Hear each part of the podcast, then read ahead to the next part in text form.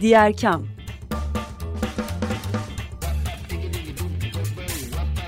Sosyal fayda dünyasından fikirler, tartışmalar, haberler.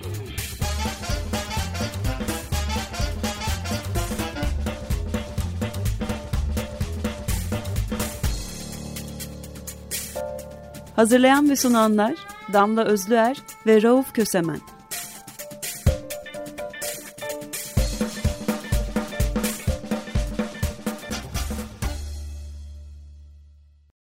Diğer Kam'dan herkese merhaba. Açık Radyo'dasınız 95'te. Diğer Kam'ın salı günkü yayınında sizinle birlikteyiz. Ben Rauf Kösemen ve de ortağım Damla Özlüer.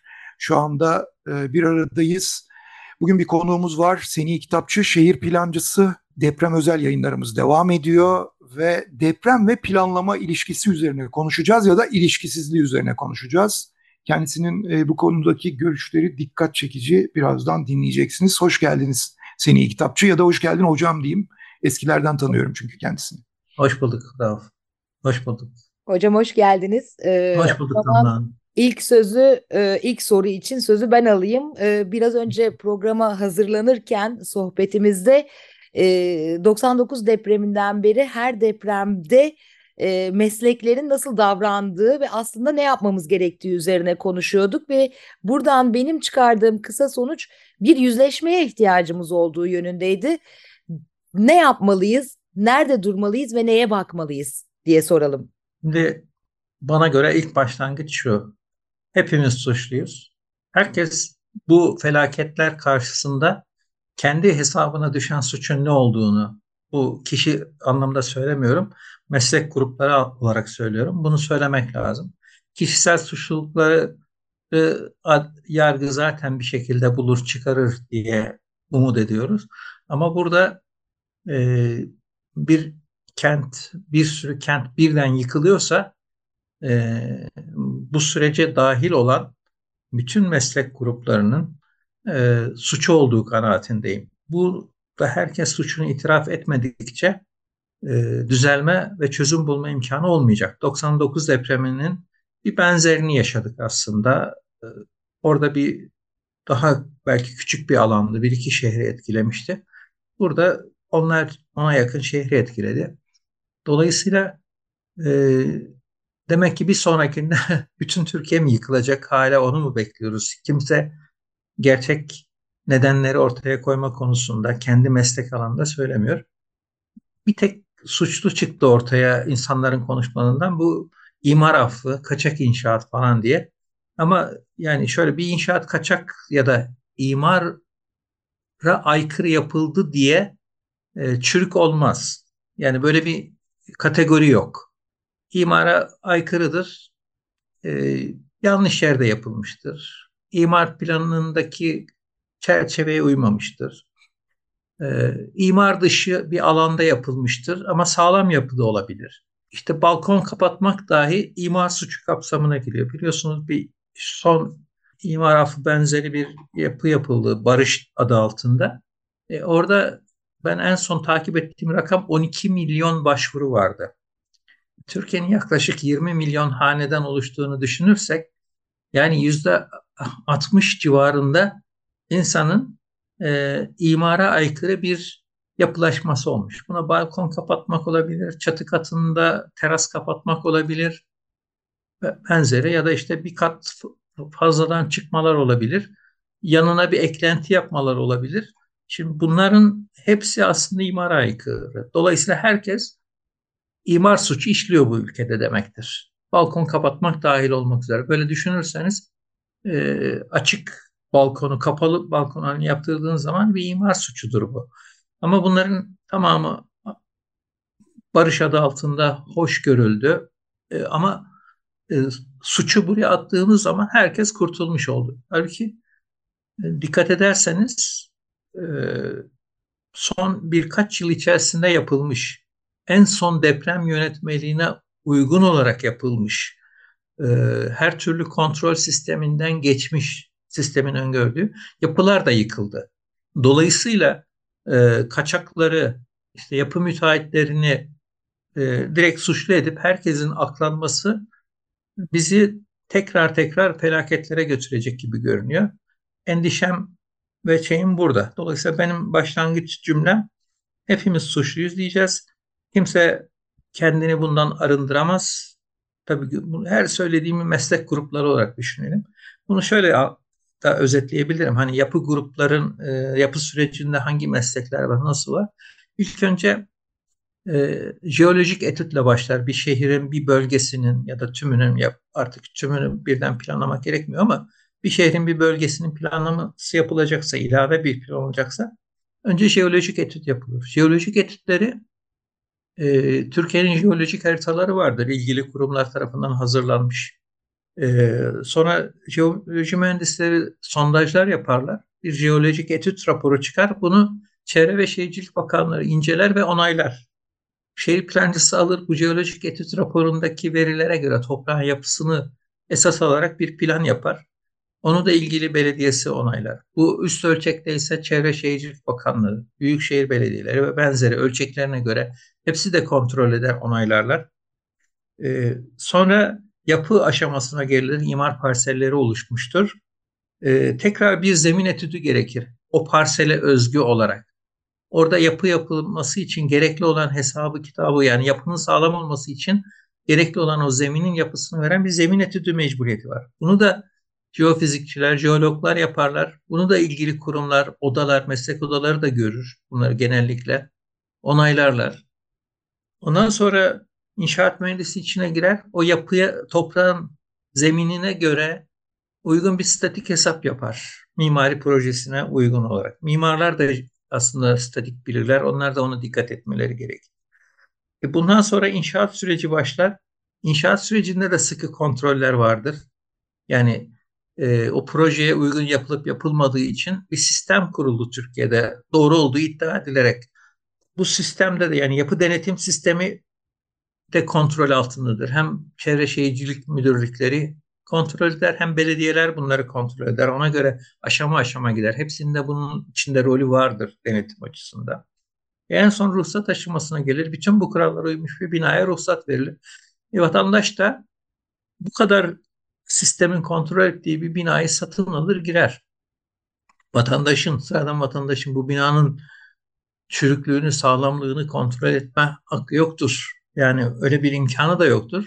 Bilgisi de yoktur. Dolayısıyla insanlar kurbanlık koyun gibi bu binalara girerler. Ama bu sürecin herhangi bir yerinde bir meslek grubunun bir hatası, bir kusuru, bir iş görmezliği var ise sistem içerisindeki kurulan denetim mekanizmaları çalışmıyorsa, oradaki denetçiler işlerini yapmıyorsa e, bu süreç olur. Dolayısıyla e, biz garip bir şekilde toplum olarak ya da işte medya olarak e, müteahhitleri yakaladık, bitti bu iş diyeceğiz. 99 depreminde de aynı şey yapılmıştı. Bir Veli Göçer e, suçlusu ilan edilmişti ve herkes gitti.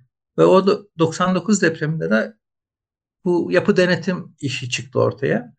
O dönemde de aslında yapı denetim gene vardı. İnşaat mühendisleri de mimarlar o projenin fenli mesul oluyordu. Yapımından sorumlu oluyorlardı. Aynı kişiler e, o 99 depreminde yıkılan binaların fenli mesulleri yapı denetim şirketleri kurdular. Yapı denetçisi oldular. Yani e, sadece biz biçimsel, formel bir şey değiştiriyoruz. Daha önce belediyelerin denetimi esasken inşaatlarda bu fenli mesulün dışında bunu yapı denetim denen bir şirketlere verdik. Yapı denetim şirketinin patronu kim? İnşaatı yapan müteahhit. O buluyor ona, ona para veriyor. O da geliyor gel ben para veriyorum gel beni denetle diyor. Ne kadar denetleyebilir? Hani yapı denetim şirketlerinin içinde olup bitenleri de oradaki e, hastalıkları da anlatan çok oldu onlara girmeyeyim. Dolayısıyla bizim için deprem zaten olacak bir şeydi ama yıkım göz göre göre geldi. Herkes bu işin içerisinde olan herkes kuvvetli bir depremle bu binaların yıkılacağını biliyordu. Artı deprem yönetmeliğini de komik. 99'a kadar başka bir yönetmelik vardı. Bir depremde de ortaya çıktı. AFAD kuruldu. AFAD kurulunca bir sürü mühendis, jeolog, jeofizikçi gittiler. Orada uzmanlar üniversitelerden bir deprem yönetmeliği yaptılar. Aradan bir zaman geçti. O deprem yönetmeliği de yeterli değil dediler. Yeni bir deprem yönetmeliği yaptılar. Ama bütün bu süreçteki yapılar da bu deprem yönetmeliğine uygun yapıldı. E, son deprem yönetmeliğinin çok doğru olduğunu, çok iyi olduğunu söyleniyor. E, son birkaç yılda yapılan yapılarda bu son deprem yönetmeliğine göre yapıldı. Demek ki deprem yönetmeliğinin de bir kusuru var. Yani dolayısıyla hani bu yapı sürecinde yıkılan yapıyken en az suçlu olan bu süreçte planların tartışılıyor olması, insanların herkesin işte şehirler iki katlı olsun, binalar şöyle olsun, böyle olsun, e, niye yüksek yapı yapılıyor şeklinde e, plan üzerinden yani planlama demeyelim ama plan üzerinden sanki bir şeyler konuşuyormuş gibi olmaları da e, bence suçu üzerinden atma çabası olarak görüyorum toplumdaki herkesin. Kimse bu deprem yönetmeliği Türkiye'de olabilecek 9-10 şiddetindeki bir depremde e, yıkılmayı önleyecek kapasitede değil demedi. Yani yüksek yapıları suçlu buluyorlar. Yüksek yapılar dünyanın her yerinde var. Depremler oluyor, daha büyük depremler. E, Tayvan'a bakın. Zangır zangır her sene sallanıyor. 8, 9, 10 depremler oluyor. Yüksek binalarla dolu. Onlara bir şey olmayabiliyor. Japonya'ya bakıl olmayabiliyor. Yani dolayısıyla yüksek yapı ve dolayısıyla onun üzerinden de planlar çok katlı veriliyor. Şehir planlaması yanlış iki katlı olsun diye herkesin akıl yürütmesi de e, tutarlı değil. Yani hep sorunun kenarından dolaşmaktayız. Acaba Çözüm ne? şey ihtiyacından kaynaklanıyor olabilir mi? Denetim mekanizmalarına ve kurumlara olan güven o kadar zayıfladı ki biraz kinayeli bir şey söyleyeceğim ama iki katlı olursa nasılsa çökecek bari az şey çöker üzerimize duygusundan dolayı buraya doğru evriliyor olabilir miyiz? Belki de çökmez ama... ayrıca iki katlı olunca. Öyle de bir şey var yani. Yapının ağırlığı da önemli ya çökme meselesinde. Teknik bir şey ama öyle. Yani iki katlı ne kadar sağlam yapıldığına bağlı. Çökebilir, çökmeyebilir. O konuya girmeyeceğim. Uzmanlığım değil ama şimdi şöyle diyeceğim. Bir şehri düşünün tamamen iki katlı yapılardan yapılmış. Ee, şehirde işe gitmek için günde 30 kilometre yol yapan İstanbullular 300 kilometre yol yapmak zorunda kalacaklar. İstanbul iki katlı yapılardan oluşturursanız. Bütün şehirler için böyle. Dolayısıyla şehirde mevcutun 10 katı yol yapılması gerekecek. 20 katı su şebekesi, 20 katı kanalizasyon yapılacak ve bütün buralardan belediyeler dolaşacak, cadde cadde, sokak sokak çöp toplayacak. Bu şehrin maliyetini kim ödeyecek? Yani her şeyin bir artısı var, bir eksisi var. Ee, sorun toplumda insanların artık binaların yıkılmayacağına, yıkılmayacak bina yapılacağına inancı kalmamasından kaynaklanıyor bence. Yani iki katlı da bir şey olmaz demeyelim. Birçok köyde de evler alt üst oldu, yıkıldı. Oralarda da köy evi demeyin betonarme evler var oralarda da onlar da yıkıldı iki katlılar, üç katlılar. E, dolayısıyla e, sorun inşaat daha doğrusu yapı yapım sürecinde kaynaklanan problem var. Bu problemi evet. bu olduğunu net olarak görürsek bunun da kamusal denetimle ancak çözülebileceğini görmemiz lazım. Yani yapı denetim şirketlerine inanılmaz paralar veriliyor. O paralar belediyelere gitse, belediyelerde de iş güvenceli mühendisler çalıştırma zorunluluğu olsa, yani o mühendis yapı denetimiyle ilgilenecek bir mühendis e, hiçbir şekilde görevden alınmayacak, görev yeri değiştirilmeyecek, başkanın e, tasarrufunda kalmayacaklar olurlarsa ve o paralardan da iyi bir maaş alırlarsa en güzel denetim kamusal denetimdir. Şirketlerin birbirleriyle al gülüm ver gülüm denetimleri bir işe yaramıyor, yaramayacak, yaramayacak da. Yani bu konu meslek odalarının denetimi e, de öne çıkartılıyor. Bu konuda ne diyorsunuz hocam? Senin çünkü öyle bir şeyin de var, bir meslek odası e, yöneticiliği e, kariyerin de var geçmişte. Şehir bölge ben, planlaması. Orada şöyle diyorum. Meslek odaları biraz e, oraya da biraz bombardıman edeyim bari. şöyle diyelim. Meslek odalarının işi kamu kurumlarının işini yapmak olmamalıdır. Oradaki ilgili kurum yapıyla ilgili belediyelerdir. Belediyeler denetlemelidir. Meslek odası meslektaşını denetler. meslektaşının yaptığı işi denetlemek apayrı bir iştir, apayrı bir uzmanlıktır. Meslek odaları da e, bir başka meslektaş gelecek, onun işte oda yöneticisi diyelim bir mesleğini denetleyecek. Olmuyor yani o denetim de olmadı. 99'a kadar o denetim vardı. Hatta Türkiye'nin bu yıkılan birçok beldeye bakalım şeylere. Oralarda meslek odaları zaten denetim yapıyordu. Yani iktidar yasaklasa da e, gayri resmi belediyelerin ilişkileriyle birçok denetimi meslek odaları yapıyor zaten. Bazı meslektaşlar getiriyorlar olaya vize denen bir şey yapılıyor. Bu meslek odaları için bir gelir kaynağı. Meslek odaları gelir kaynağı açısından bakıyor. Meslek odaları denetleyince daha iyi olacak demiyorum. Aynı insanlara belediyede çalışsınlar, denetlesinler. Yani dürüst bir insan oda yöneticisi olursa dürüst adam belediyeye girsin, e, yapı denetçisi olsun, denetim uzmanı olsun, otursun onu denetlesin. Ama o onun işi. Odaların işi kamu kurumların yerine geçmek değildir. Burada aslında e, hani daha politik söyleme doğru geçecek korporatizmdir. Korporatizm de e, Mussolini'nin yönetim anlayışıdır, faşizmdir. Meslek odalarının bir takım elitlerin e, sistemi yönetiyor, denetliyor olması. Böyle bir bakış açısı doğru değil. Meslektaşı denetlemeli. Ama şey dene, e, bu denetimi geçici bir dönem yapılabilir. Bu sistem kuruluncaya kadar yapılabilir. Ama asıl olan ilgili kurumun, belediyenin, işte valilikteki özel idare ise oradaki yetkin ve e, ne diyelim görev garantisi olan insanlarca denetlenmesi, meslek adamlarınca denetlenmesi. Ama bunun içinde tabii geliyorum deprem yönetmeliğinin de düzgün olması lazım. Bunlar yapılmadığı sürece ne yapsak boş.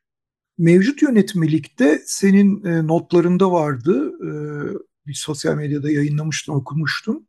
Mevcut yönetmelikte 7 ve üzeri depremler gibi bir muğlaklık var. Bu muğlaklık bir şeyi çözmüyor. 7.4 de 7 üzeri, 7.8 de ama aralarında e, çok ciddi farklar var. Kat be kat. E, işte 8 kat, 10 kat farklar var e, diye yazmıştın.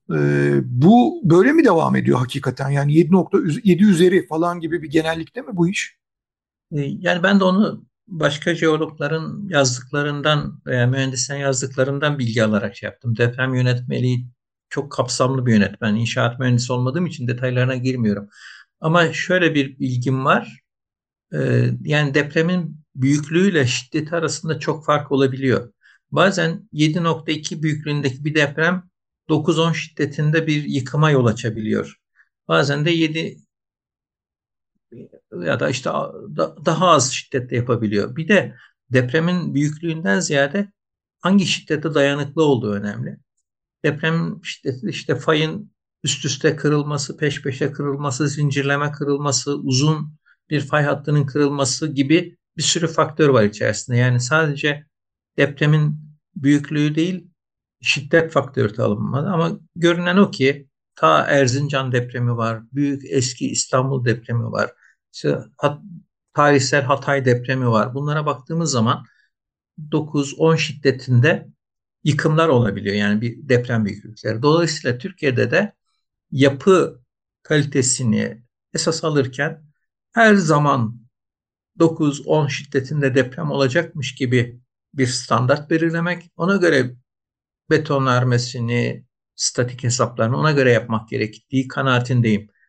Yani bunu uzmanlar tartışmalı. Daha çok inşaat mühendisleri tartışmalı ama geçmişte şöyle bir tartışma olduğunu biliyorum. Bu kadar büyük bir deprem yani şiddet ölçeğine dayalı bir bina yapmak demek ekstra maliyet demek. Yüzde yirmi, yüzde kırk, yüzde otuz gibi hesaplar duymuştum bir toplantıda. Ama şimdi e, o maliyeti o gün ödemekten kaçınıyoruz. Ama bugün bütün toplumcu ödüyoruz. Devlet o zaman e, şöyle bir şey deseydi ya tamam Türkiye'yi farklı deprem bölgelerine böldük ettik falan bunu ortadan kaldırıyoruz. Türkiye'nin her yerinde 8, 9, 10 şiddetinde depremler olabilir. Dolayısıyla siz en yüksek şiddete göre bina yapın. Onun maliyetinin bitirdikten sonra siz binayı sağlamlığını ve o göre yaptıktan sonra %20 maliyetini de ben devlet olarak karşılıyorum deseydi ne yıkım olacaktı ne bu kadar kaynak heba olacaktı. hepimiz güvenli, sağlam binalarda oturuyor olacaktık. Ama o gün yani o binalar yapılırken ödemekten kaçındığımız bir maliyet bugün misliyle ödememiz gereken bir şeye dönüşüyor. Çünkü şehrin altyapısı çöküyor, onu yeniden yapacaksınız. Bütün bina yapacaksınız, yeni yerleşim yapacaksınız, mülkiyet sorunları çıkılacak. Yıkılan binaların olduğu yerlerde tekrar yapılaşma sıkıntısı var. Diyelim ki zemin, zemin sağlamdı ama bina çürüktü, yıkıldı. Geçmişte şöyle düşünün. Orası bir kişiye ait ya da iki kişiye ait bir arsaydı. Müteahhide verdiler. 8-10 daire çıktı. İşte müteahhitle paylaştılar, yaptılar. Ama şimdi o arsada 10 tane mülkiyet var ve 10 dairelik bir şey var. Şimdi tekrar bunu 10 kişi bir araya gelip paraların üzerine koyup yapma imkanları yoksa ki olamayacaktır genelde. Bir müteahhite vermek isteseler müteahhit diyecek ki %50 ile yaparım. 10 dairelik yer 20 daireye çıkmak durumunda. Yani böyle çetrefilli sorunlar yaratıyoruz mülkiyetler açısından, ilişkiler açısından ve o çoğu mülkiyet çözülemeyecek. Birileri gelecek o mülkiyetleri satın alacak. Zaten insanlar çaresiz onlara verecek. Yani inanılmaz arsa spekülasyonları olacak. İnsanlar yedikleri darbelerin karşısında daha şey gidecek. Ee, devlet diyecek ki ben bu yapıdaki sizin haklarınızı devralayım, size yeni bina vereyim ama şu kadar da üste para verin diyecek. Zaten diyelim ki adamın milyonluk bir dairesi vardı. Devletin milyonluk dairesinin yarı parası sayılacak. Bir de 500 bin üstüne borçlanacak. Tabii afaki rakamlar söylüyorum. Bunu şey yapalım ama yani böyle inanılmaz problemler çıkacak. Bunu hem şahıslar ödeyecek. Bu problemle o geçmişte kaçırılmış maliyetleri misliyle ödeyecek. Hem devlet misliyle ödeyecek. Yani burada bu deprem bölgeleri haritası da saçmalıktır Türkiye'de. Çünkü geçmişte olan depremlerin istatistiksel bir modelle e, grafiğe dönüştürülerek elde ediliyor bunlar. Bir yerde kırılmamış, uyuyan bir fay varsa ki bu depremde aslında uyuyan bir fay, ilk kırılan fay uyuyan bir fay, kimsenin bilmediği bir fay. Ölü fay da değildi. Yani oradaki kırık ilk defa kırıldı. Son ilk 7.7 ya da 7.8 şiddetindeki kırık olduğu noktada haritalara bakarsanız herhangi bir fay görünmez. Orası kırıldı. Hani meşhur jeologlar bizim beklediğimiz depremde diyorlar ya pazarcık bilmem fayı diye. Ama ilk kırık kesinlikle orası değil. Sonra o pazarcık fayını tetikledi. Pazarcık fayı üzerinde son oldu.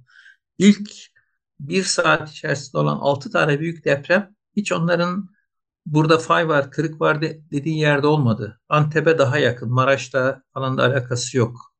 Ee, Nurdağ ve İslahiye arasında kırıldı ve onun ucu ta Hatta'ya kadar gitti.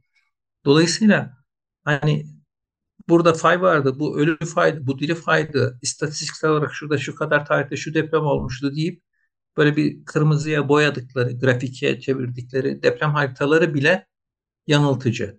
Doğruluk payı var ama yanıltıcı tarafları var. Yani e, 2000 yıldır uyuyan bir fay olabilir. Dünya kaç milyar yıl yaşında?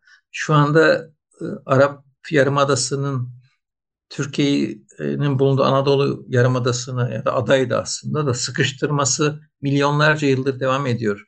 O milyonlarca yılda hala kırılmamış, kırılacak zayıf yerler olabilir. Toprağın 30 kilometre, 60 kilometre altında nelerin olduğunu bilmiyoruz. Oradaki bir e, sıkıştırmanın ileride başka bir yerde neler yapacağını bilmiyoruz. Bu sıkıştırmalar öyle böyle sıkıştırma değil. İşte 2000 metre, 3000 metre, 5000 metre yüksekliğinde dağlar yapan bir kuvvet var burada.